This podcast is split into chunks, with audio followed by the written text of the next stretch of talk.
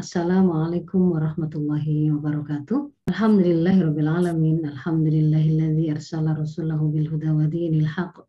Liyudhirahu ala dini kullih wa kafa billahi syahida. Asyhadu an la ilaha illallah wa asyhadu anna muhammadan abduhu wa rasuluh. Allahumma salli ala sayyidina Muhammad wa ala ali sayyidina Muhammad. Rabbi surahli sodri wa yassirli amri wa haludatan min lisani yafqahu qawli. Amma ba'd. Alhamdulillahirrahmanirrahim.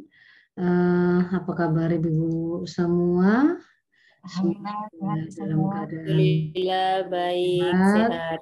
keluarga uh, dalam keadaan tetap mendapatkan keberkahan dari Allah. Kita dimudahkan juga semua urusan-urusan kita dan uh, dimampukan untuk melaksanakan amanah kita sehari-hari. Amin.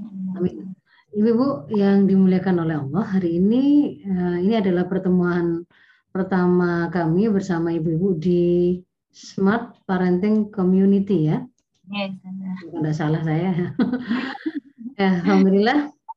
Semoga uh, ini menjadi pertemuan yang barokah. Artinya berkah itu adalah sesuatu yang bisa menjadi ziyadatul nikmah, ziyadatul khair ya.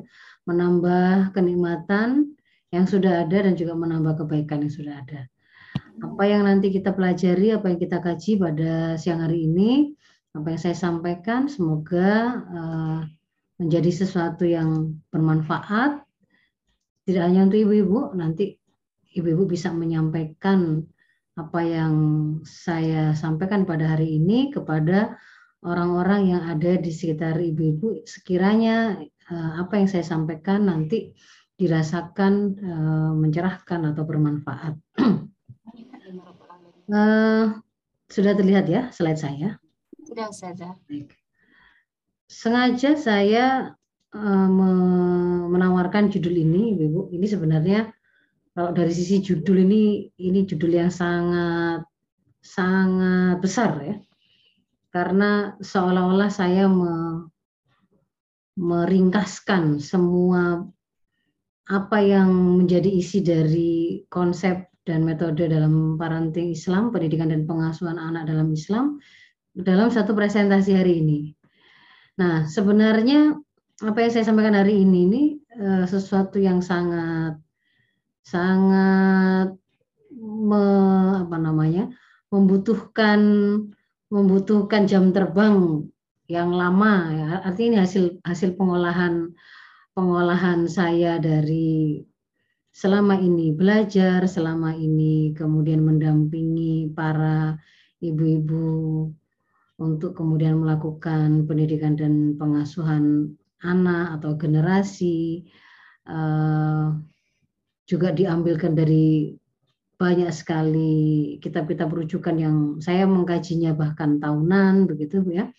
Sehingga kalau kemudian nanti itu saya menyampaikannya dalam satu pertemuan bukan berarti kemudian yang saya sampaikan ini itu sudah mencakup segala ilmu yang yang sebenarnya ingin saya sampaikan tetapi minimal itu uh, kerangka berpikir tentang oh, apa saja sih sebenarnya prinsip-prinsip dalam parenting Islam itu yang kemudian saya harus cari tahu lebih lanjut ya. Saya harus cari tahu lebih lanjut dan posisinya, kedudukannya itu seperti apa kalau kemudian disusun dalam sebuah bangunan pemahaman itu nanti akan uh, insya Allah akan bisa membantu untuk memudahkan ibu-ibu memahaminya. Ya, jadi prinsip dan dasar parenting Islam saya beri dalam tanda kurung an overview artinya sebuah gambaran singkat ya, sebuah gambaran singkat karena bukan hendak mendetili untuk item per itemnya nanti itu akan sebenarnya menjadi bahasan tersendiri.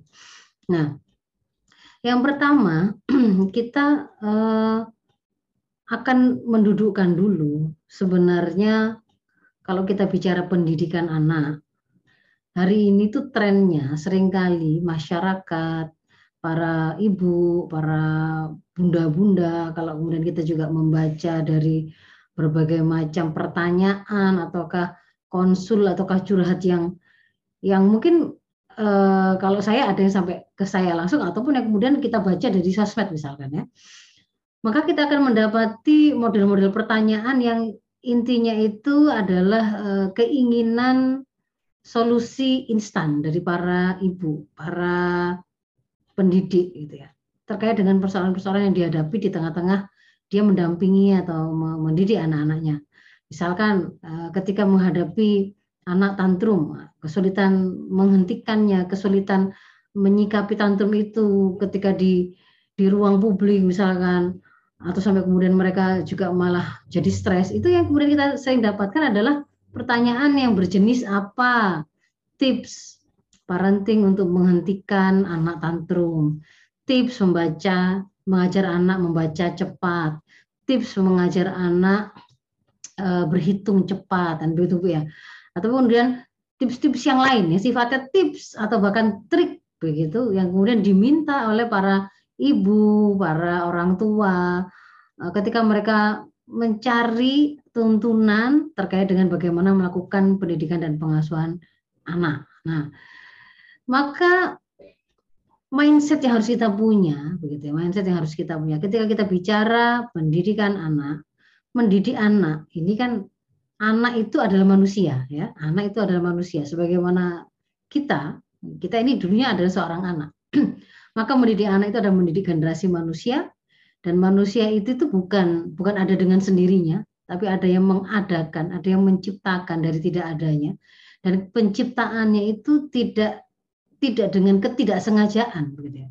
Bukan nggak sengaja tapi sengaja ada visi misi penciptaannya dari penciptanya maka kalau kemudian kita bicara tentang pendidikan anak, itu sebenarnya sangat berkaitan erat dengan prinsip-prinsip dasar bagaimana kita memandang manusia, kita memandang kehidupan ini, memandang alam semesta, siapa saya, siapa anak saya, untuk apa mereka ada, untuk apa mereka hidup. Mereka seharusnya kemudian eh, apa namanya saya cetak, saya desain untuk jadi orang-orang itu yang seperti apa.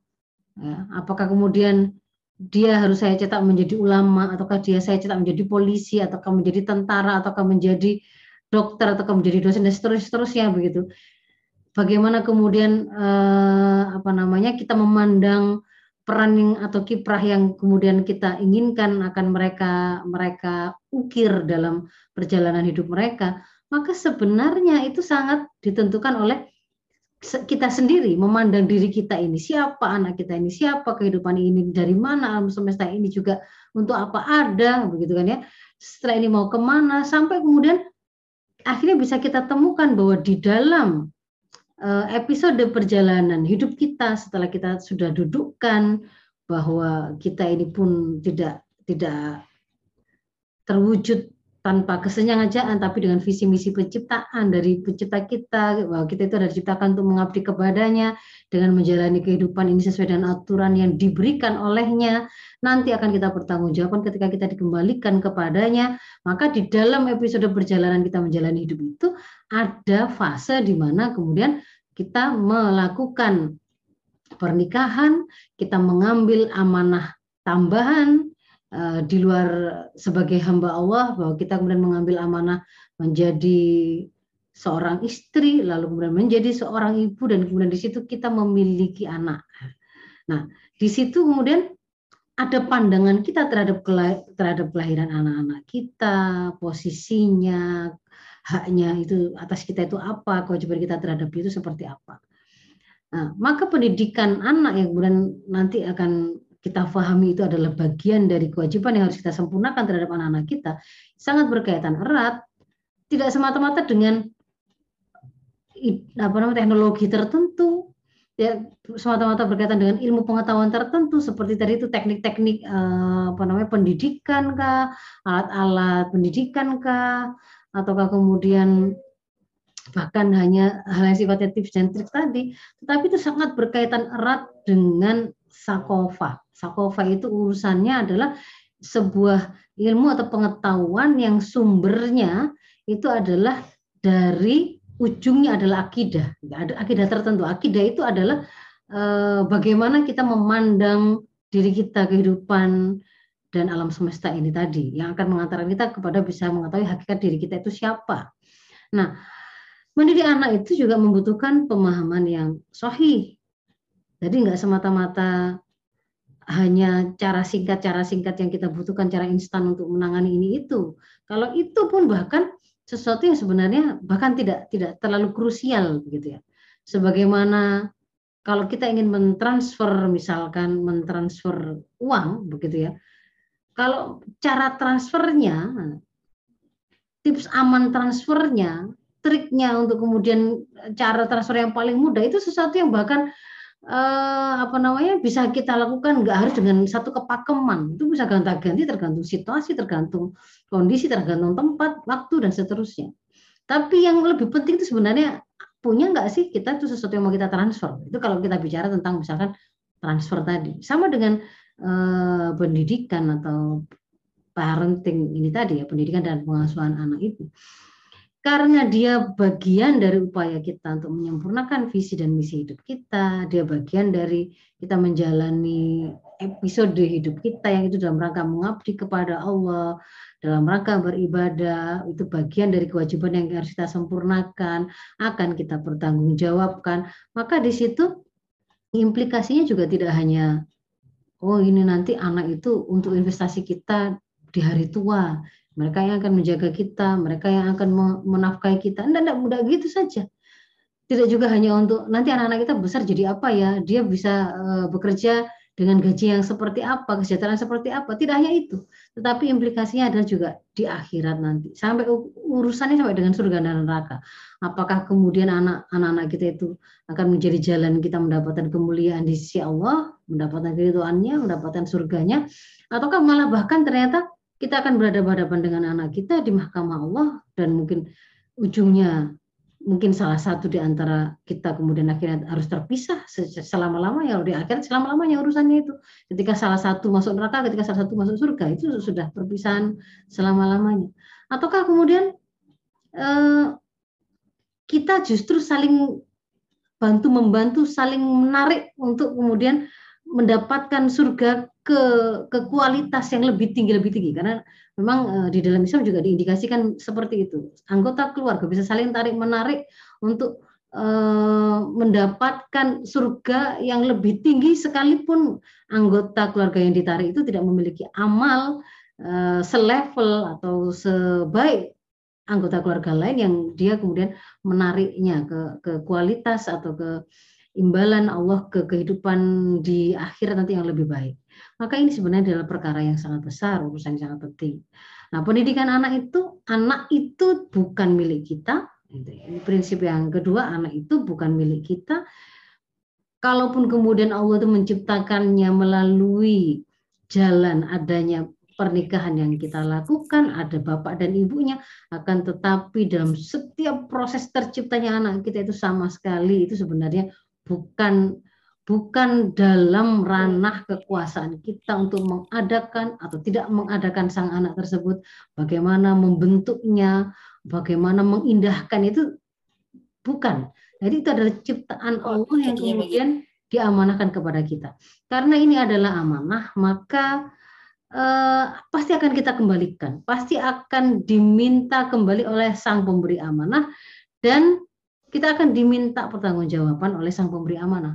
Maka ketika kemudian kita diberi amanah untuk mendidiknya, arahan pendidikan yang kita lakukan, desainnya seperti apa, itu tidak boleh tidak kecuali kita bertanya kepada sang pemberi amanah, bukan maunya kita. Saya dari dulu punya cita-cita, misalkan pengen punya anak artis terkenal gitu, sehingga saya juga ikut terkenal misalkan itu maunya siapa gitu? Maunya siapa? Kalau mau kita salah berarti. Kita harus bertanya. Kita disuruh mencetak anak-anak dengan desainnya seperti apa. Kepada siapa? Pertanyaannya adalah kepada sang pemberi amanah. Dalam hal ini adalah kepada Allah berarti kita membaca tuntunannya atau wahyunya.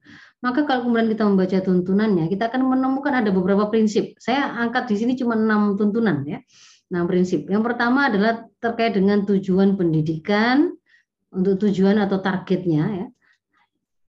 Ini eh, kita bisa kita bisa apa namanya tarik, kita bisa simpulkan, kita bisa mendapatkan apa sih sebenarnya eh, yang diinginkan oleh Allah ketika kemudian Allah itu menciptakan manusia dan kemudian lahir manusia-manusia baru itu seharusnya mereka itu ada pada posisi yang seperti apa maka dalam dua kota ini ibu bisa lihat yang di sebelah kanan itu adalah beberapa dalil yang bisa menjadi rujukan untuk mendapatkan gambaran eh, profil atau visi generasi atau manusia yang yang kemudian ada dalam Islam. Ya, yang pertama bahwa manusia itu ketika diciptakan oleh Allah dia membawa uh, visi penciptaan sebagai ibadullah sebagai hamba Allah. Seperti yang ada pada surat Ad-Dariyat 56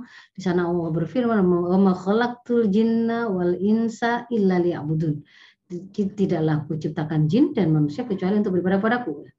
Kalau di dalam Al-Baqarah 30 kemudian ketika Allah menciptakan Nabi Adam itu dengan diberi sebuah penjelasan bahwa Adam itu uh, adalah makhluk ciptaan Allah yang akan diberi amanah untuk uh, menjadi khalifah di bumi gitu ya menjadi uh, menjadi pihak yang memimpin untuk mengelola bumi sebagaimana arahan atau tuntunan yang diberikan oleh sang pencipta manusia dan bumi ini. Nah, ya, dan ini adalah Allah. Lalu yang kedua bahwa setiap manusia-manusia yang lahir itu Allah ciptakan awalnya adalah dalam keadaan fitrah, hadis tentang fitrah seperti mamin mauludin illa yuladu alal fitrah, fa abawahu yuhawidani au yunasirani au majisani ya. Uh, setiap bayi yang lahir selalu dalam keadaan fitrah maka kedua orang tuanya yang akan membuatnya menjadi seorang Yahudika, Nasronika, Majusika fitrahnya manusia itu adalah dia akan menjadi orang yang beriman kepada Allah. Maka kita harus kemudian menjaga fitrah para manusia-manusia generasi-generasi baru itu untuk kemudian menjadi orang-orang yang beriman kepada Allah. Bahwa uh, generasi dalam Islam itu harus bisa menjadi para pemimpin dari orang-orang yang bertakwa. Berarti kan dia juga orang yang bertakwa dan dia menjadi pemimpin orang yang bertakwa. Kita bahkan diajarkan untuk berdoa, berarti meminta, punya harapan, berusaha merealisir anak-anak yang mutakina imama. Yang ketiga. Lalu yang keempat, bahwa kita dilarang, diharamkan, meninggalkan di belakang kita itu generasi yang lemah. Berarti sebaliknya kita diperintahkan untuk melahirkan generasi-generasi yang tangguh atau kuat. Dan yang terakhir ada eh, tugas, ya. tugas yang melekat kepada kaum muslimin yang itu kemudian menjadikan mereka sebagai khairu ummah ukhrijat linas ya, sebagai umat terbaik yang dilahirkan untuk seluruh umat manusia ketika mereka itu e, melaksanakan tanggung jawab atau tugas beramar ma'ruf nahi mungkar ta'muru nabil ma'ruf wa tanhuna 'anil munkar wa tu'minuna billah. Nah, maka dari situ kita kemudian bisa me, me, apa namanya me, merumuskan tujuan pendidikan dalam Islam itu satu adalah untuk mewujudkan manusia-manusia yang bersahsia Islam, berkepribadian Islam. Kalau bahasa umumnya itu orang-orang anak-anak yang solih, ya. yang solih yang taat kepada Allah, yang dia itu senantiasa melaksanakan apa perintah dan apa perintah Allah meninggalkan seluruh larangan Allah. Mereka tidak hanya baik untuk diri mereka sendiri karena di situ ada juga tanggung jawab untuk memperbaiki kerusakan yang ada di sekitarnya. Tadi kan muslih. Kalau tadi ada bahasa melakukan amar ma'ruf nahi mungkar mereka mereka harus berkiprah di tengah-tengah kehidupan, maka mereka pasti harus menguasai sains tech, skill-skill yang mereka butuhkan untuk hidup. Bagaimana bekerja, bagaimana memakmurkan bumi, bagaimana mengelola urusan-urusan kehidupan-kehidupan masyarakat yang macam-macam ya. Ketika kemudian eh, apa namanya menghasil mengelola hutan, mengelola sungai, me, me, menghasilkan listrik, bagaimana mengolah nuklir dan seterusnya. Itu harus kemudian dikuasai. Dari yang sifatnya dari yang sifatnya itu remeh terkait dengan urusan personal, misalkan skill kehidupan itu adalah termasuk adalah bagaimana dia punya kemandirian untuk berpakaian, kan, membersihkan rumah, menyiapkan makanan saya pada level uh, mengelola kehidupan secara umum di tengah-tengah kehidupan masyarakat. Dan di situ kemudian akan meniscayakan tidak semua dari kita itu kemudian akan memiliki profil khas tertentu, profil khas yang yang tertentu yang itu pada semua bidang tidak mungkin kita memiliki ke misalkan kepakaran, keahlian, keprofesionalan pada semua bidang. Pasti kemudian di situ akan ada profil pengemban amanah tertentu yang kemudian akan uh, kita miliki. Nah, jadi di situ kita lihat ada target yang sifatnya itu harus ada terrealisir pada setiap anak-anak kita. Itu saya sebut dengan profil dasar. Dan ada profil tambahan atau profil khususnya.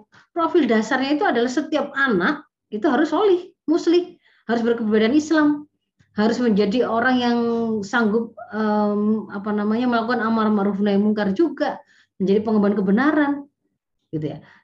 Tetapi kemudian mereka ya, orang-orang yang solih-solih ini ada yang boleh menjadi dokter, ada yang menjadi tentara, ada yang menjadi montir, ada yang menjadi guru, dosen, dan seterusnya.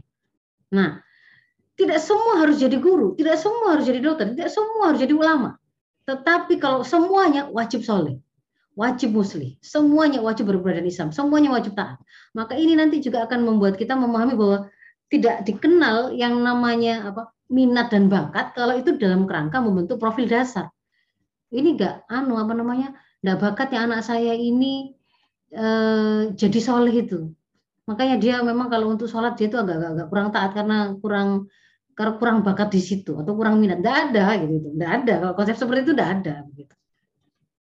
Jadi kalau terkait dengan pembentukan kepribadian Islam, nah itu nggak ada yang namanya dikenal minat dan bakat.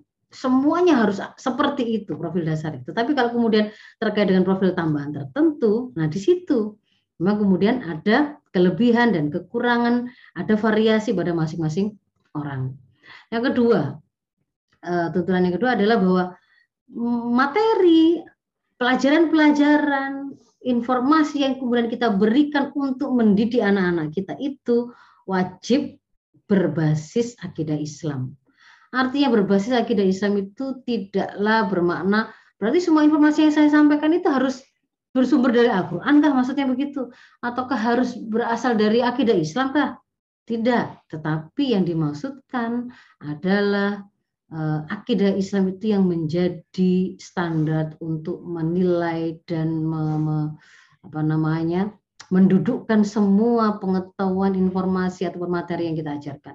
Karena bagi seorang mukmin begitu ya, berkaitan dengan bahkan berkaitan dengan ada atau tidak adanya dia, itu adalah persoalan akidah. Dia itu menyadari keberadaannya ada sejak pertama kali itu apakah dia meyakini itu adalah karena perubahan materi seperti konsep eh, apa namanya kekekalan materi yang difahami oleh orang-orang ateis ya. Oh, karena ini perubahan materi saja, tidak ada Tuhan di situ, tidak ada Allah di situ. Itu akidah gitu loh. Sehingga mau membangun hal-hal yang lebih cabang dari pemahaman terhadap eksistensi kita dan kehidupan itu tentu akan sangat dipengaruhi oleh bagaimana dia memahami awal dari eksistensi alam semesta kehidupan termasuk dirinya tadi. Dan bagi seorang mukmin, hal pertama yang wajib eh, yang menjadi kewajibannya itu adalah mengenali Allah. Mengenali Allah dan kemudian wal ikraruhi awalu ma yajibu alal abdi ma'rifatuhu wal ikraru bihi. Hal pertama yang wajib bagi seorang hamba terhadap Tuhannya adalah dia mengenal Tuhannya, mengenal Allah, dan kemudian melakukan ikrar. Ikrar itu adalah kalau kita, ikrar kita, pengakuan kita terhadap keberadaan Allah, kita meyakini dia sebagai pencipta kita dan pencipta alam semesta, itu adalah syahadat tauhid asyhadu an la ilaha illallah. Ya. Dan uh, demikian juga yang disampaikan oleh Imam Al Ashari bahwa kewajiban seorang mukallaf seorang yang terbebani hukum itu adalah ma'rifah mengetahui memahami mengenali siapa Allah. Dan itu akan uh, mudah dia lakukan dengan dengan melakukan pengamatan terhadap apa yang ada dalam dirinya dan apa yang ada di sekitarnya. Dengan mengenali Tuhannya, dia akan mengenali dirinya. Mengenali dirinya juga akan mengantarkan dia kepada mengenali Tuhannya. Jadi yang dimaksud dengan konten atau materi yang diajarkan itu berbasis akidah Islam itu tidak kemudian oh hanya boleh yang diajarkan yang semuanya itu bersumber dari akidah Islam berarti ya dari Al-Quran ya dari hadis ya kalau kemudian mengajarkan ilmu umum berarti nggak boleh ya enggak boleh tetap boleh tapi semua informasi yang kemudian diberikan, semua pengetahuan, semua sakofa, semua materi ajar itu distandarisasi, dinilai dengan kacamata Islam. Apakah ini sesuatu yang benar ataukah salah? Baik ataukah buruk, terpuji ataukah tercela? Di level mana kalau begitu kemudian dia boleh diajarkan? Misalkan, uh, apakah boleh kita kita mengajarkan uh, prinsip-prinsip prinsip-prinsip ekonomi kapitalisme? Itu kan bukan berasal dari Islam. Boleh, untuk untuk apa? Ada catatannya. Bagaimana? Kebolehan itu seperti apa? E, ketika kita mengajarkan sakofa yang goiru Islam, yang goiru Islam itu bertentangan dengan Islam, maka dia hanya boleh disampaikan untuk untuk dijelaskan kesalahannya, ketidaktepatannya, dan itu hanya boleh dilakukan pada level pendidikan tinggi, bukan level pendidikan dasar dan menengah ketika masih dalam sebuah proses pembentukan eh, apa namanya profil syahsia Islam. Nah, jadi itu apa dasarnya? Kalau kemudian ini dijadikan sebagai bahasan satu topik tersendiri itu akan mendalam begitu ya. Bahwa di dalam Al-Quran itu kita tidak hanya mendapati informasi-informasi yang benar. Misalkan Al-Quran menceritakan orang-orang Nasrani mengatakan Isa adalah anak Allah. Isa adalah Allah. Orang-orang Yahudi mengatakan Uzair adalah anak Allah misalnya begitu Orang-orang kafir itu ada yang mengatakan bahwa Allah itu punya anak dan seterusnya. Nah, itu itu kan sesuatu yang bertentangan. Tetapi di situ disampaikan oleh Al-Quran untuk ditunjukkan bahwa itu adalah sebuah kesalahan. Berarti kita boleh kemudian menyampaikan sesuatu yang itu bertentangan dengan untuk kemudian disampaikan kesalahannya, wajib disampaikan kesalahannya. Maka pada pada uh, sistem pendidikan Islam untuk guru-guru yang dia itu mengajarkan Eh, sakofa-sakofa yang guru Islami, maka wajib dia itu sudah mengenali dan menguasai dulu bagaimana pandangan Islam terhadap hal itu. Misalkan tadi ekonomi, misalnya sistem ekonomi. Dia harus menguasai sistem ekonomi Islam dulu sebelum kemudian dia mengajarkan sistem ekonomi kapitalisme karena dia harus menunjukkan ketidaktepatan dan kesalahan dari sistem ekonomi kapitalisme. Itu seperti itu. Nah, ini beberapa dalil yang menunjukkan bahwa uh, akidah itu adalah akidah itu adalah sesuatu sesuatu yang menjadi ibaratnya kalau itu adalah pohon, maka dia adalah benih awal yang kemudian akan memunculkan akar sebelum kemudian akan me, me, me, menghasilkan pohon bangunan pohon yang lebih tinggi sampai kemudian dia berbunga sampai dia berbuah. Itu adalah berawal dari perintah untuk mengenali Allah. Ya, itu adalah kewajiban. Kewajiban uh, seorang hamba, seorang manusia pertama kali. Karena itu kaitannya dengan kita bahkan diciptakan itu dalam rangka apa? Untuk beribadah. Maka kita harus kemudian mengenali. Nanti Ibu silakan membaca hadis ini. Eh, slide akan saya berikan. Kalau kemudian saya bacakan, saya khawatir tidak mencukupi waktunya. Nah, ini juga bahwa itu diperintahkan. Jadi ketika Allah mengajar kepada Nabi Muhammad juga begitu.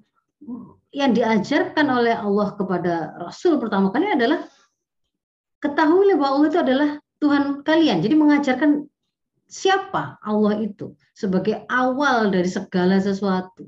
Darinya kemudian Allah yang Allah yang kemudian menurunkan kalamullah Al-Qur'an di situ dibawa oleh eh, para malaikat dibawa oleh malaikat lalu kemudian disampaikan kepada rasul dari manusia yang terpilih yang dia pilih untuk kemudian disampaikan sebagai risalah ke seluruh umat manusia maka kemudian di dalam Quran itu ada pengkabaran-pengkabaran pengkabaran tertentu tentang akhirat tentang surga neraka tentang dan seterusnya yang kemudian juga wajib kita imani. Berawal dari akidah tersebut.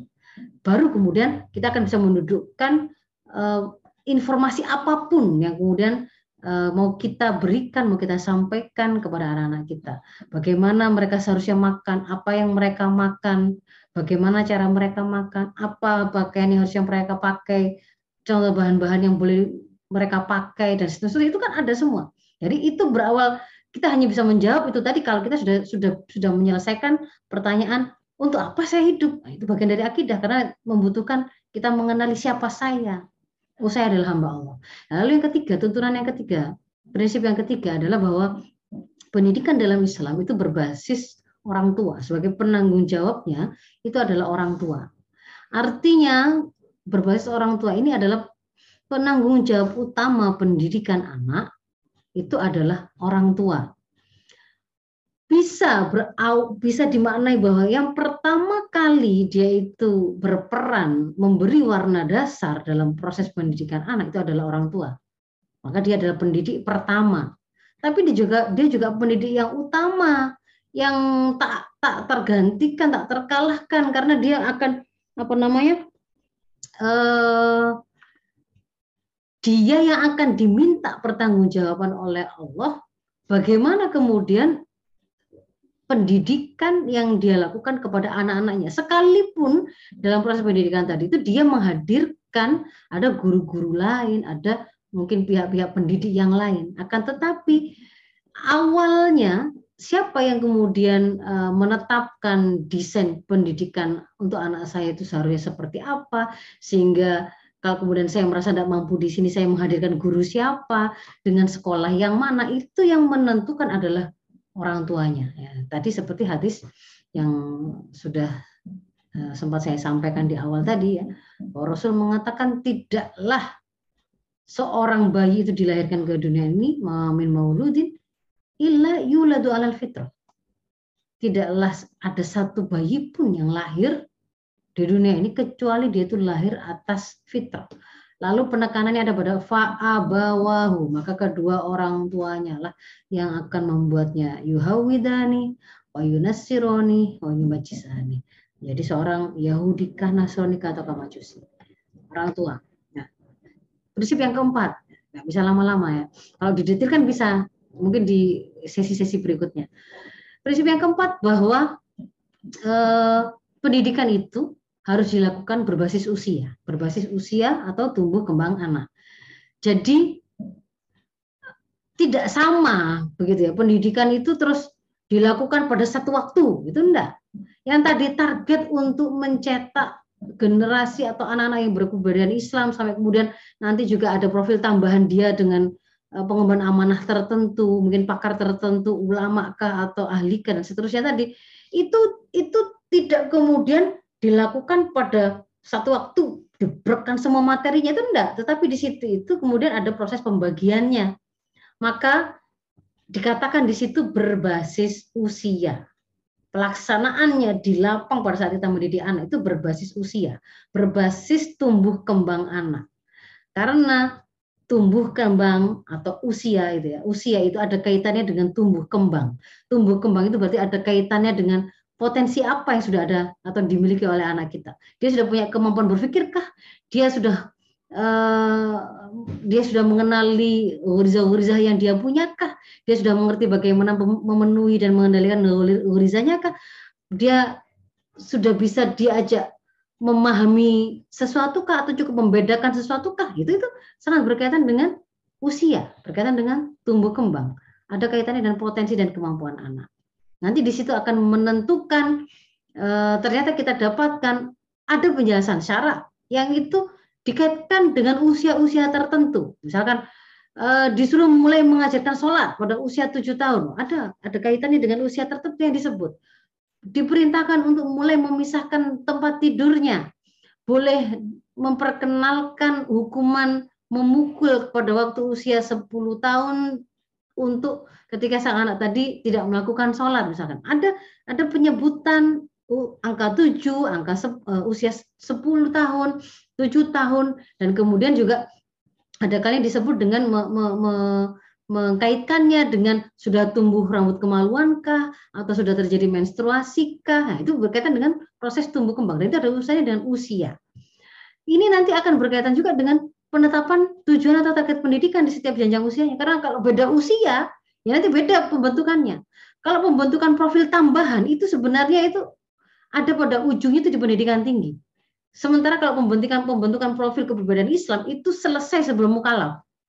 Harus sudah selesai. Karena setelah itu nanti prosesnya bukan membantu membentuk dan me, mencetak kepribadian Islam tetapi menghebatkannya. Prosesnya itu sudah berbeda. Nah, itu juga akan menentukan berarti kurikulumnya itu yang seperti apa, mata ajarnya seperti apa. Tadi contohnya untuk eh, ilmu-ilmu, pengetahuan-pengetahuan, sakofa-sakofa yang itu nggak benar, yang bertentangan dengan Islam, tidak boleh diajarkan pada saat usia dini, pada saat anak belum mumayyiz, sebelum anak akil begitu ya, sebelum dia itu sudah menguasai mana pemahaman yang benar, misalkan hakikat alam semesta ini. Apakah apakah Allah yang menciptakan ataukah itu berasal dari Big Bang teori? Big Bang teori itu kalau dalam sistem pendidikan Islam yang mengatakan bahwa eh, alam semesta ini terbentuk misalkan dari dari bola raksasa yang berputar sangat kencang lalu kemudian karena berputar sangat kencang lalu terlempar membentuklah matahari membentuklah planet-planet membentuklah yang lain-lain dan seterusnya seterusnya begitu misalkan ya. Ketika kemudian itu disampaikan sebelum anak memahami bahwa dia matahari bumi alam semesta diciptakan oleh Allah maka itu akan bisa merusak tauhidnya akan bisa merusak akidahnya. Maka di situ kan ada ada penentuan kurikulum dan bahan ajarnya sesuai usia. Ada tahapan-tahapan pendidikan yang akan berbeda dan bahkan ada penentuan takdib. Takdib itu pemberian sanksi atau hukuman dalam proses pendidikan. Yang ini dilakukan oleh para pendidik ya, bukan bukan sanksi e, sebagai sebuah apa namanya? sebuah hukuman untuk pelanggaran atau kriminalitas. Kalau itu kan dilakukan oleh negara lain. Kalau ini adalah disebutnya dengan takdib untuk meluruskan kesalahan anak yang dilakukan oleh para pendidik dalam proses pendidikan. Dan juga akan menentukan jenjang sekolah. Nah, Beberapa dalil yang pun saya sampaikan berikut itu menunjukkan adalah eh, hukum-hukum syarak yang yang disampaikan dan dikaitkan oleh Islam dengan usia. Misalkan pada An-Nur 59. Itu disebut di situ. Wa idza balaghul atfal. Pakai ada kata-kata ada balik di situ ada balal al atfal tadi sudah balal sampai kemudian sampai sampailah dia pada apa? Al huluma hulum sampai pada kondisi dia uh, sudah sudah berumur balik sudah nanti ada penjelasan lebih lanjut di belakang itu yang dimaksud dengan balik itu apa. Apa yang kemudian ada hukum apa yang dikaitkan dengan kalau anak-anak tadi sudah balik? Oh ternyata begitu ada perintah untuk mereka meminta izin sebagaimana orang-orang yang lain. Ketika mereka eh, apa namanya mereka itu mau masuk ke dalam uh, rumah, mau masuk ke dalam uh, kamar orang tua. Pada ayat yang di atasnya sebelumnya itu kalau anak-anak wajibnya mereka minta izin ketika memasuki kamar orang tuanya ada pada tiga waktu.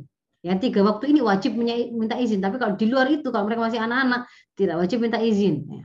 Jadi di situ ada sebelum sholat subuh, ketika di tengah hari, ketika setelah isya, nah, yang dikatakan sebagai itu adalah aurat, waktu-waktu aurat bagi orang tua. Itu ada di Anur 58. Jadi di situ dikaitkan dengan uh, anak dengan beberapa hukum tertentu. Lalu misalkan ini yang tadi sudah sempat saya sampaikan, muru auladakum bisolah wahum abna sab'a sinin perintahkan kepada anak-anak kalian itu melakukan sholat dan mereka itu ada pada usia tujuh tahun. Ada disebut itu ada tujuh. Wadribuhum alaiha wam abna'u sinin. Dan mulai pukulah mereka uh, ketika mereka itu meninggalkan atau tidak melakukan sholat tadi dan keadaan mereka adalah anak-anak yang berusia 10 tahun wafarriku bainahum fil magoji dan kemudian pisahkanlah mereka dalam tempat tidur mereka. Nah ini ini ada usia yang kemudian juga dikaitkan begitu dengan hukum dengan hukum mulai mengajarkan sholat, mulai memperkenalkan hukuman fisik ketika meninggalkan sholat, eh, perintah memisahkan tempat tidur begitu dan juga eh, misalkan eh, kaitannya dengan memperkenalkan mukalaf dan wiru mukalaf kapan seseorang itu mulai terbebani hukum dan akan dicatat dikatakan Rufi al kolam tidak dicatat, diangkat pena belum dicatat, belum belum belum diminta pertanggungjawaban itu kalau seseorang itu masih dalam keadaan salah satunya adalah anak sampai dia balik. Jadi di situ memang di, diperkenalkan seperti itu. Dan e, di dalam proses tumbuh kembang anak itu di dalam Islam itu selain dikenal istilah anak-anak ada wairu mukalaf, mukalaf juga di, dikenal kata-kata akil, balik juga dikenal mumayyiz. Nah, Tahapan mumayyiz ini hanya dikenal dalam Islam. Dikatakan mumayyiz itu berarti orangnya itu disebut mumayyiz. Dari kata kerja mayyaza yumayyizu ya yang artinya itu membedakan. Jadi mumayyiz berarti dia sudah bisa membedakan. Sudah bisa membedakan perlakuan baik buruk, bisa membedakan kanan kiri, bisa membedakan eh, dan bisa memahami percakapan, merespon. Itu biasanya eh, kalau beberapa ulama mengatakan itu adalah situasi yang tidak ada angka pasti umur berapanya, tapi dilihat dari sisi dia sudah tamis, sudah bisa membedakan itu tadi apa apakah tidak. Biasanya antara usia 7 sampai 10 tahun. Biasanya antara 7 sampai 10 tahun itu adalah masa-masa mumayis. Tapi sebenarnya lebih kepada lihat dulu apakah dia sudah memiliki kemampuan membedakan sehingga dia bisa paham pembicaraan. Nah, kalau bahkan pada fikih misalkan ketika ada perceraian antara seorang bapak atau ibu, mumayyiz ini kalau dia sudah bisa membedakan perlakuan baik dan buruk kedua orang tuanya, maka pada keadaan dia sudah mumayyiz, dia boleh memilih dia mau ikut siapa. Tapi kalau dia ghairu mumayyiz, maka kemudian dia mengikut masih ikut kepada ibunya karena itu berarti dia masih dalam masa hadona atau uh, pengasuhan. Ya, jadi di sini silakan dibaca nanti detailnya ini. Jadi saya hendak menunjukkan bahwa ada tahapan namanya mumayyiz. Kalau kemudian dipetakan mungkin kayak begini ya secara globalnya itu kita menyebutnya kalau dalam bahasa Indonesia ada anak-anak dewasa, nah dikenal remaja ya. Karena remaja itu kalau hari ini itu dibikin ini adalah masa transisi tapi tetap, tetap dianggap anak-anak padahal dia misalkan usianya itu sudah kuliah gitu ya. Kuliah dikatakan remaja sehingga kemudian ketika dia melakukan uh, kejahatan misalnya bullying sampai menghilangkan nyawa, dia dikatakan masih anak-anak dan tidak bisa dihukum. Kemudian pada sistem hukum hari ini batasan anak-anak pada usia hari ini di undang-undang internasional bisa sampai 21 tahun.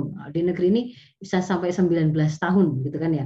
Nah, itu dalam pandangan Islam berbeda gitu. Anak-anak itu adalah mereka yang ghairu mukallaf kalau bahasa fikihnya. Kalau kemudian mereka sudah mukallaf, itu itulah yang kemudian sudah mulai terbebani hukum, mulai harus bertanggung jawab atas segala apa yang dia katakan, dia pilih, dia lakukan. Kalau ghairu mukallaf itu dia belum bisa diminta tanggung jawabnya. Karena pada saat dia ghairu mukallaf, dia masih ghairu akil, dia masih belum punya kemampuan berpikir. Dia juga masih belum balik, jadi pra balik. Yang ghairu eh, apa namanya? ghairu akil ini tadi belum sampai pada proses yang akil sempurna, itu ada usia dini yang bisa kita pastikan mereka Ghairu mumayyiz, belum mumayyiz pasti. Mumayyiz itu kira-kira tadi adalah usia 7 tahun sampai 10 tahun, kira-kira begitu kan ya. Prosesnya itu sebenarnya dia sudah mulai bisa berpikir, sudah sudah akil, tapi eh, kemampuan berpikirnya itu masih berkembang terus ya. Dari kemampuan mengenali dan sekedar membedakan sampai pada bisa melakukan analisa. Itu kemampuan mengakalnya itu masih berjalan terus di situ. Nah, ketika kemudian kita kita korelasikan dengan usia gitu kalau dalam bahasan fikih kapan seseorang itu dikatakan mukallaf diperkenalkan istilah akil dan balik kalau akil tadi itu adalah ketika kemudian dia memiliki kemampuan berpikir yang sudah sempurna balik itu ada tanda-tandanya nanti di bawah oh ini ini di sini akil itu ya akil itu mengharuskan saya harus menerangkan proses berpikir akal akil itu artinya mengakal punya kemampuan mengakal atau berpikir. Berpikir atau akal itu adalah sebuah proses yang melibatkan empat komponen ini. Ada fakta yang hendak difikirkan atau difahami, ditangkap oleh indera manusia. Nah, kita menangkap melalui mata, melalui penciuman, perabaan, pengecapan, perasa gitu ya atau pembauan dan seterusnya Lalu indera kita menyampaikannya ke otak kita sebagai pusat dari susunan saraf kita dan di sana kemudian fakta yang kita masukkan tadi akan ditafsiri dengan satu informasi tertentu. Nah, ini namanya ketika kemudian terjadi pengkaitan antara fakta yang dimasukkan yang ditangkap oleh indera dengan informasi tertentu saat itulah dikatakan terjadi sebuah proses berpikir. Proses berpikir ini nanti akan membentuk pemahaman dikatakan akil kalau ini itu berjalan proses ini. Berarti otaknya sehat, bukan otak-otak yang eh, otak yang bermasalah atau sakit. Indranya juga minimal kalau dalam eh, para ulama mengatakan minimal ada dua indera yang dia punya. Ya peng, apa, pendengaran dan penglihatan. Minimal itu untuk bisa kemudian bisa berpikir.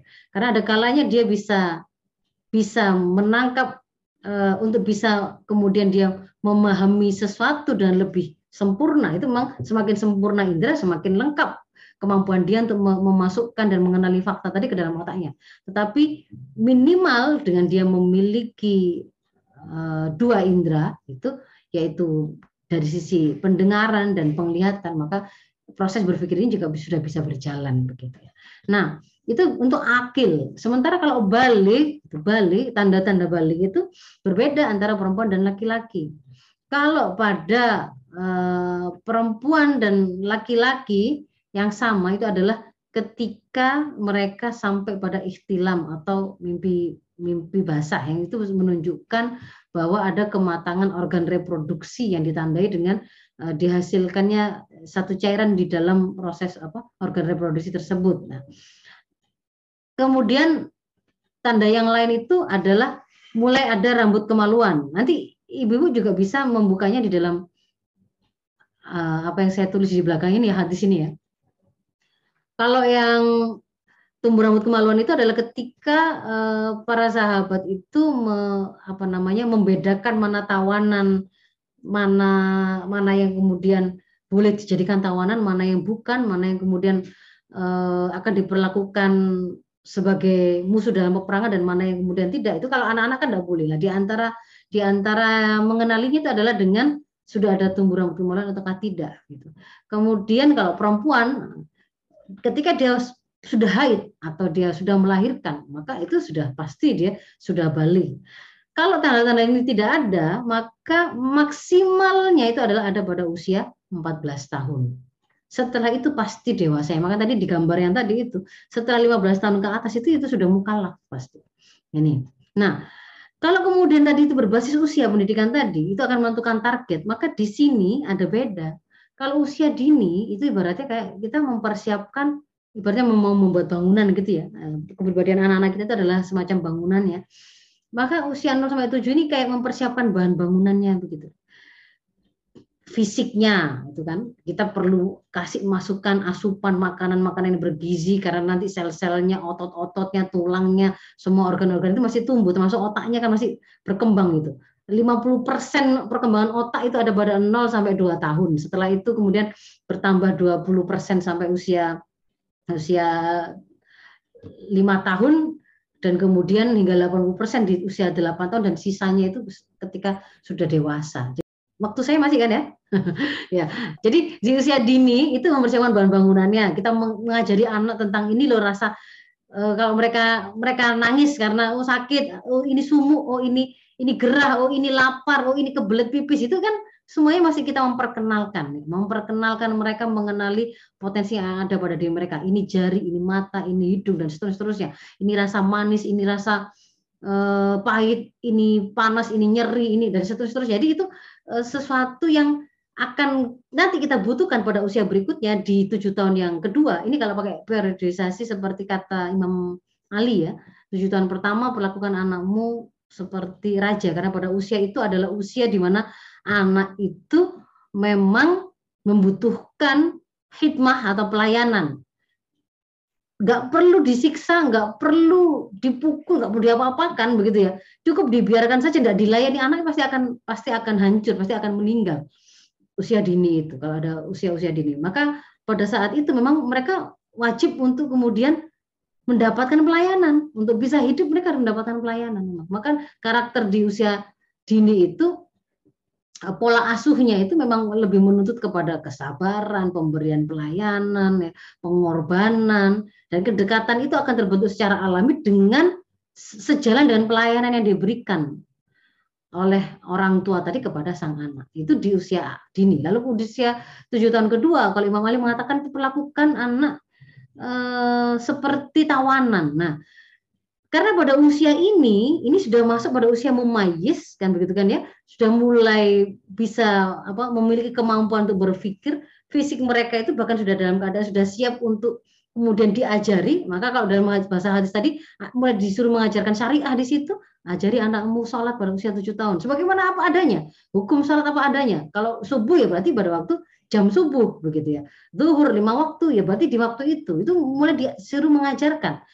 Maka di sini sebenarnya memang masa untuk me, kita mulai membangun yang namanya uh, kemampuan berpikir anak secara islami, membentuk pemahaman-pemahaman yang mereka mereka butuhkan ya. Kalau dalam proses berpikir tadi itu ada informasi tadi kan ada komponen informasi, konfirmasi informasi itu adalah uh, kita memberikan maklumat-maklumat sakofa sakofa pengetahuan-pengetahuan tentang hukum tentang fikih tentang apa saja ya tentang tentang akidah tentang ibadah tentang syariat tentang dakwah yang akan membentuk kepribadian Islam yang dia butuhkan untuk dia bersikap. Saya mau makan apa? Saya mau pakai baju apa? Kalau saya ngomong itu seperti apa? Saya berteman itu harusnya dengan cara bagaimana? Boleh nggak saya memukul teman? Boleh nggak saya berteriak pada orang tua saya? Boleh nggak saya marah-marah, boleh nggak saya membantu, dan seterusnya itu dibutuhkan.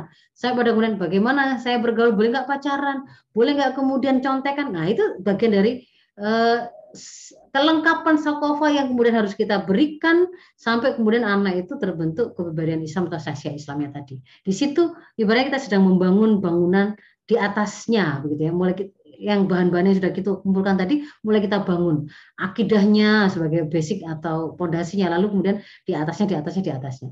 Nah, kalau kemudian sudah 14 tahun tadi kan sudah mukallaf setelahnya. Ini seharusnya sudah terbentuk sasya Islam. 15 tahun ke atas itu sebenarnya sudah masuk ke pendidikan tinggi.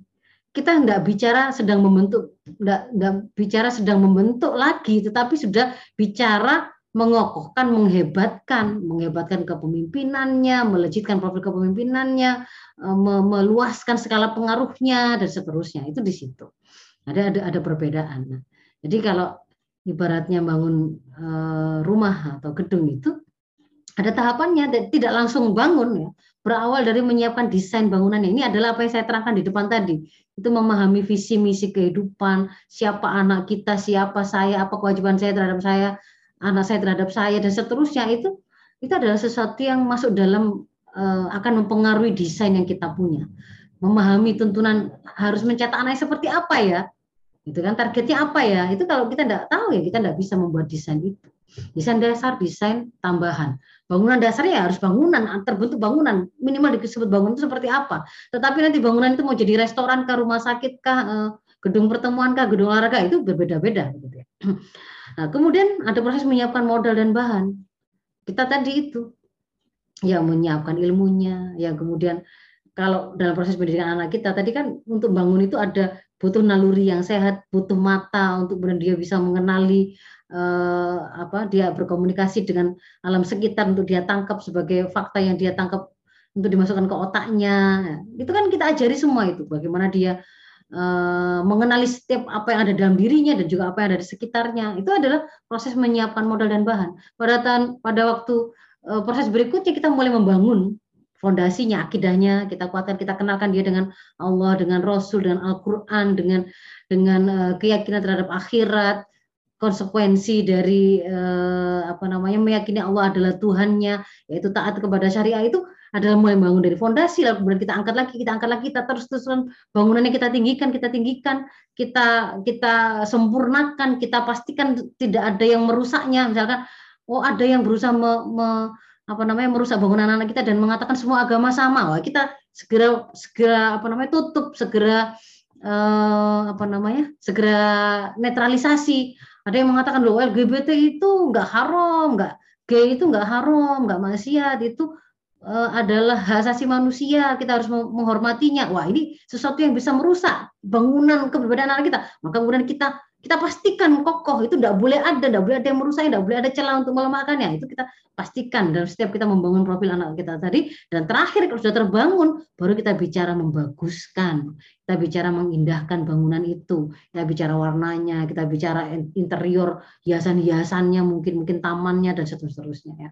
Nah, ini mungkin uh, kalau digambarkan dari hanya ilustrasi tentang profil bangunan kepribadian anak kita, akidah ini adalah fondasinya, lalu kemudian dari akidah ini akan membentuk pola pikir yang dia punya. Setiap kali dia itu mau memahami apa saja, dia standar standarisasi informasi yang dia pakai untuk menafsiri fakta apa pun yang dia pikirkan dengan akidah Islam, lalu lalu akan terbentuk pemahaman yang islami dari pola pikir islami itu dan setiap kali dia itu punya hawa nafsu, punya keinginan, punya kebutuhan, dia ikat dengan pola pikirnya tadi dan pola dengan pemahaman yang dia punya, maka pada saat itu akan terbentuklah pola sikap islami dan nanti akan kita lihat dari bangunan profil keberadaan anak kita adalah gambaran-gambaran kumpulan amal, sikap, sifat yang itu memang khas ya. Dia anak yang taat beribadah, sholatnya rajin, puasanya juga. Dia begini cara ber, ber, berkata-katanya kepada orang tua. Dia kalau diberi amanah itu dia itu terpercaya, dia tidak mudah menyerah, dia tidak takut mati, dan seterusnya. Itu seperti itu. Ya. Nah ini pola, ini profil dasar, profil dasar. Nanti baru kemudian kita bicara orang yang seperti ini, ya, itu boleh jadi ada yang jadi khalifah, ada yang jadi pemimpin pasukan, ada yang jadi dokter, ada yang jadi guru, ada yang dan seterusnya. Dan proses itu tadi ber, pendidikan tadi itu berkesinambungan kan tadi berbasis usia itu juga men, menunjukkan tahapan dalam pendidikannya begitu ya. Para pelaku pendidikan itu adalah empat ini.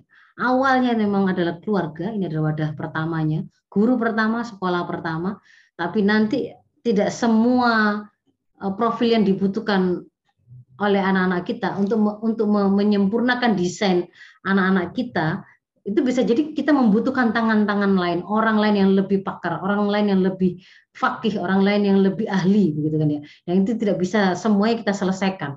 Mungkin kalau sampai pada level membentuk syariah Islam bisa, tapi kemudian kita tambahin untuk mencetak dia menjadi seorang ahli nuklir, oh tidak bisa. Tidak semua orang tua bisa melakukan itu. Apakah itu berkaitan dengan kemampuannya ataukah terkait dengan fasilitas yang dia punya. Maka di situ ada sistem pendidikan juga nanti akan didesain oleh negara. Ada sistem sekolah formal, sistem pendidikan formal. Maka di sini adalah wadah formal terstruktur, ada kurikulum tertentu yang harusnya kurikulumnya itu targetnya itu melanjutkan proses pendidikan yang dilakukan oleh keluarga sebagai basis tadi. Dan juga akan eh, di apa namanya? dikuatkan oleh sekolah besar anak-anak kita yaitu masyarakat ini adalah ibaratnya lingkungan tempat generasi itu tumbuh. Kalau itu pohon gitu ya, pohon keberadaan anak kita itu membutuhkan tanah yang tidak beracun, yang tidak banyak polusinya. Dia juga butuh air yang cukup dan bersih. Dia juga butuh udara, oksigen, tidak tidak ada tidak ada eh, hal-hal yang merusaknya. Nah itu adalah masyarakat yang kondusif untuk tumbuh kembangnya mereka. Ini adalah sekolah besar bagi generasi. Kalau di tengah-tengah masyarakat ini ada banyak hal yang merusak, mereka juga bisa belajar kerusakan dari situ. Dan warnanya bagaimana masyarakat ini dibentuk, ditentukan oleh sistem-sistem aturan-aturan yang diterapkan atau kebijakan-kebijakan diterapkan seperti apakah oleh negara, sistem medianya, sistem pergaulannya, sistem persangsiannya. Kalau misalkan ada orang yang laki ber, bergaya ala perempuan, perempuan bergaya ala laki, kemudian itu di, diviralkan di media dibolehkan ataukah tidak? Kalau ada orang yang melakukan sodomi, bagaimana sistem persangsian yang menjerakan ataukah tidak? Itu akan eh, sangat menentukan bagaimana gambaran profil generasi kita dan itu ditentukan oleh posisi negara. Maka semua penanggung jawab kepribadian ini itu memiliki apa keterkaitan yang sangat erat begitu ya. Mereka semua saling mempengaruhi keluarga kalau keluarganya sendiri ada keluarga yang lemah uh, ayah ibunya bukanlah ayah ibu yang tahu apa yang harusnya kemudian mereka lakukan kepada anak-anak mereka maka itu akan berpengaruh. Di rumah sudah bagus tapi sekolah ternyata kurikulumnya itu hanya mencetak tenaga-tenaga buruh juga nggak akan bisa melanjutkan target kita untuk melahirkan anak-anak atau generasi berbeda Islam. Masyarakatnya rusak malah dari situ anak-anak kita belajar tentang zina tentang apa friend with benefit zina sana sini. Seperti kucing komplek begitu yang kawin tabrak sini tabrak sini. Mereka belajar dari masyarakat begitu ya. Bukan dari sekolah bukan dari rumah. Dan kebijakan negara kalau kemudian dia itu tidak bisa menjamin kesejahteraan keluarga sampai membuat keluarga itu banyak yang banyak yang kocar kacir karena kesulitan memenuhi kebutuhan hidup ya. Kesulitan mendapatkan lapangan pekerjaan kesulitan membayar sekolah kesulitan membayar kebutuhan-kebutuhan pokok lainnya, misalkan seperti itu, maka itu juga akan berpengaruh. Termasuk kalau benar ada kerusakan, ada kemaksiatan, dibiarkan oleh negara, pornografi, porno maka itu pun akan berpengaruh. Nah, itu eh, yang berikutnya adalah prinsip bagaimana cara penyampaian kalau ini dalam sebuah proses pendidikan kita ngajari belajar mengajarnya bagaimana metode pembelajarannya maka eh, metode pembelajarannya itu tidak boleh dogmatis, tetapi harus talakian fikrian. pemikiran dan pemikiran yang ketemu. Jadi menyampaikan pemikiran, membentuk pemahaman. Karena pemahaman itulah yang nanti akan mempengaruhi amal. Ya.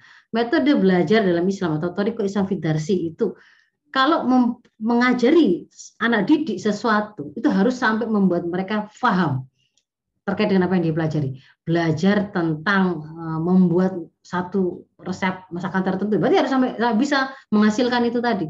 Menguasai program komputer, berarti bagaimana sampai dia itu bisa menghasilkan program komputer tadi. Uh, menjadi seorang dokter, berarti dia harus mengerti bagaimana proses bagaimana anatomi tubuh manusia, bagaimana terjadinya sebuah proses sakit, apa saja penyebab-penyebab sakit, bagaimana kemudian perbedaan antara organ sehat dan sakit dan seterusnya. Jadi sampai paham, harus mendalam. Lalu yang kedua, belajar itu harus sampai membuat melahirkan keyakinan dari anak didik terhadap kebenaran yang dipelajari. Kalau ini berkaitan dengan akidah, maka level keyakinannya itu kot'i, 100% yakin, nggak boleh ada keraguan. Mengajarkan anak kita tentang Allah itu al-kholiq al-mudabbir, itu harus sampai pada tataran anak kita itu nggak nggak masih ragu-ragu memang ada atau Allah itu kok saya nggak bisa lihat?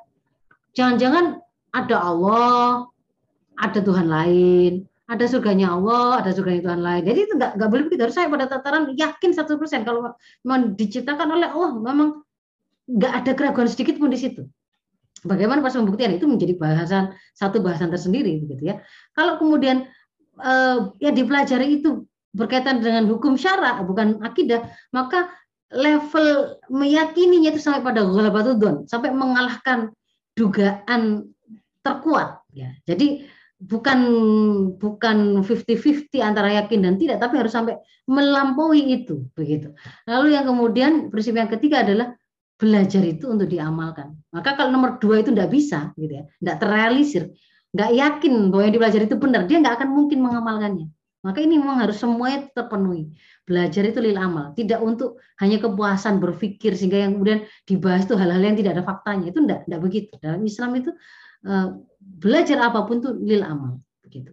Nah, kalau kemudian kaitannya dengan tadi itu ada ibu tadi sudah saya kenalkan dengan eh, apa namanya proses pendidikan itu berbasis kalau dari sisi konten atau materi itu berbasis akidah itu di sini bahwa berpikir tadi itu adalah sebuah proses yang melibatkan empat komponen ya kan? Ada fakta yang ditangkap oleh indera disampaikan ke otak di sana nanti akan ditafsir dan informasi. Nah informasi ini inilah yang akan menentukan pola pikirnya. Kalau ujungnya ujung dari kebenaran kebenaran yang dijadikan sebagai standar itu adalah informasi yang berasal dari wahyu atau akidah Islam, maka akan membentuk pola pikir yang Islami, akan membentuk pemahaman yang Islami, dan kalau kemudian dia pakai untuk mengikat amal akan terbentuklah pola sikap Islami. Ini namanya proses membentuk pemahaman, pemikiran dan pemahaman. Nah, sehingga dari proses yang kemudian tahapan-tahapan tadi itu ya, pada tujuh tahun menjelang tujuh tahun ketiga saat dia mukalaf seharusnya anak-anak kita itu siapa pun ya harus sudah paham bahwa dia adalah hamba Allah. Dia beriman dengan keimanan yang kuat, yang yakin satu persen kalau yakin tidak boleh ada akhirnya tidak boleh ada keraguan sedikit pun. Dia sudah paham kalau dia meyakini saya itu hamba Allah diciptakan oleh Allah, ya, saya itu uh, Tuhan saya itu adalah Allah, maka dia harus terikat kepada syariat Allah tuntunan Allah karena itu kaitannya dengan dia menjalani hidup Paham itu, saya harus terikat pada seluruh aspek kehidupan saya. Apa pun itu. Hal-hal yang sifatnya personal seperti bagaimana saya makan, minum, berpakaian, berbahasa, menghiasi diri saya dengan sifat-sifat tertentu. Sampai pada waktu saya bergaul dengan orang lain, ketika saya menjadi seorang eh, pejabat, ketika saya menjadi seorang profesional tertentu, melakukan amal tertentu, semua amal saya harus terikat pada syariah.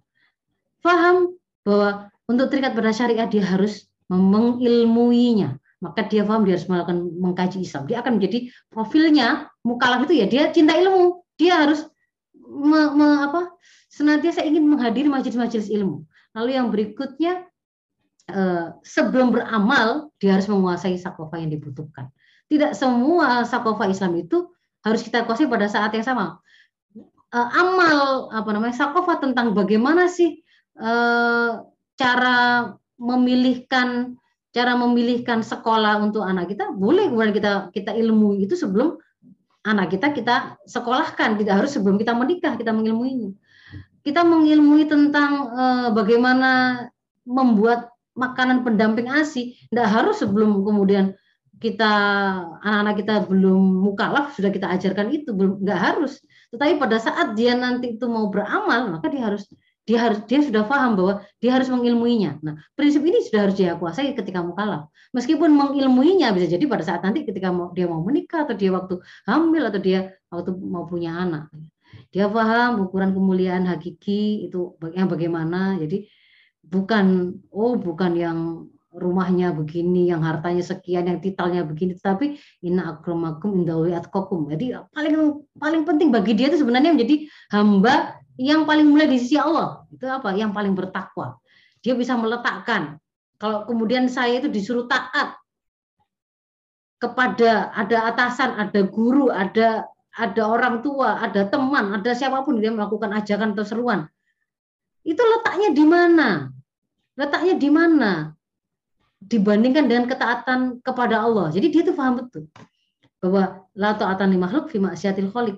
Nanti dia secara detail yang mungkin beramalnya itu hari ini dia ketemu antara konflik antara saya nuruti kata ayah saya yang menyuruh saya yang melarang saya menutup aurat atau saya nurut apa kata Allah misalkan. Mungkin itu pada waktu dia masih belum menikah. Tapi pada saat kemudian yang lain dia menikah dia punya suami. Nah, nanti beramal juga sudah paham dia. Di mana letak ketaatan pada suami? Di mana letak ketaatan pada orang tua dan seterusnya. E, mukalaf itu juga sudah harus mulai diperkenalkan. Ada kekhasan laki perempuan anak-anak kita itu terkait dengan cal apa terkait dengan calon tanggung jawabnya besok bahwa dia yang laki-laki akan menjadi calon bapak, calon suami, yang ibu adalah calon istri, calon ibu, maka sudah mulai diperkenalkan eh, tanggung jawab tersebut. Karena pada saat dia mukalaf, dia mau menikah, pada saat itu juga diperbolehkan. Dan secara kematakan reproduksi sudah ada. Ya. Nah, yang yang berikutnya kalau sudah mukalaf, sudah terbentuk profil kebudayaan Islam, tadi itu ada profil muslih atau pengembangan dakwah, pelaku amar ma'ruf nahi mungkar, maka dia harus harus juga diperkenalkan dengan aktivitas dakwah Islam. Setelah mukalaf itu kan kita bicara menghebatkan pengaruh, menghebatkan menghebatkan profil, ya, menguatkan kepemimpinan. Ya maka dia sudah mulai diarahkan ke sana. Kalau kalau laki-laki saya pada level kepemimpinan masyarakat.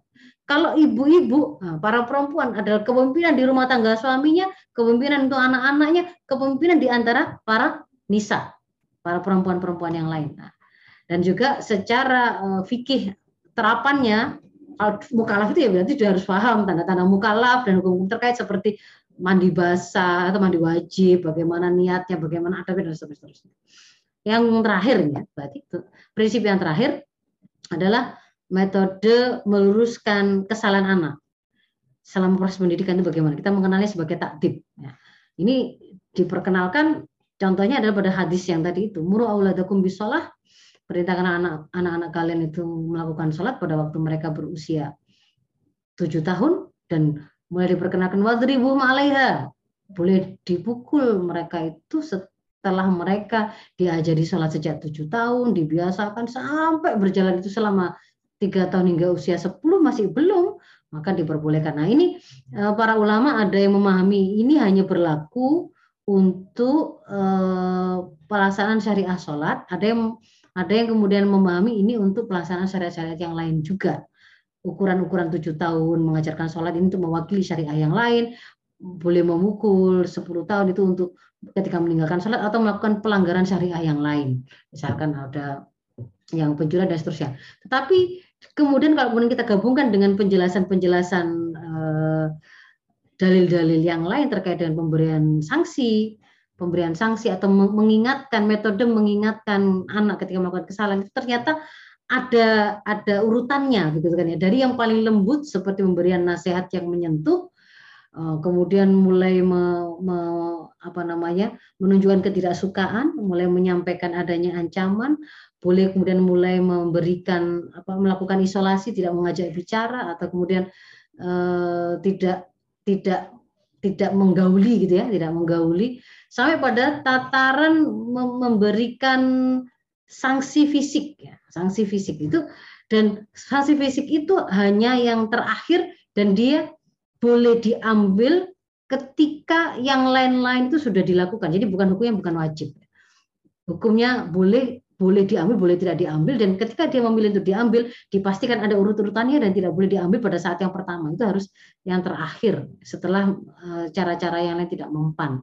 Nah, tapi di sini ini juga eh, menjadi sebuah apa namanya dalil ini juga juga menjadi rujukan bahwa oh berarti eh, sebelum tujuh tahun itu tidak dikenal yang namanya sanksi tujuh tahun mulai diperkenalkan sanksi karena baru mulai mengenal apa anak baru mumayis baru mulai bisa diajak paham sesuatu. Bahkan kalau kalau usia dini itu belum paham terus dikasih sanksi dia nggak ngerti bahwa itu tuh sebenarnya sanksi begitu ya. Dia nggak ngerti itu tuh sesuatu yang harusnya dia sedihi atau kemudian dia sesali itu dia nggak ngerti kalau dia belum mumayis. Maka baru ada itu setelah ini dan fisik setelah 10 itu begitu. Jadi kalau usia dini tanpa hukuman pendekatannya adalah surga dulu sebelum neraka, reward sebelum apa punishment, memberi kabar gembira sebelum menakut-nakuti atau memberikan ancaman gitu ya. Jadi di sini ini dia belum memiliki kemampuan berpikir secara rasional atau akliyah, tapi masih wariziyah gitu ya.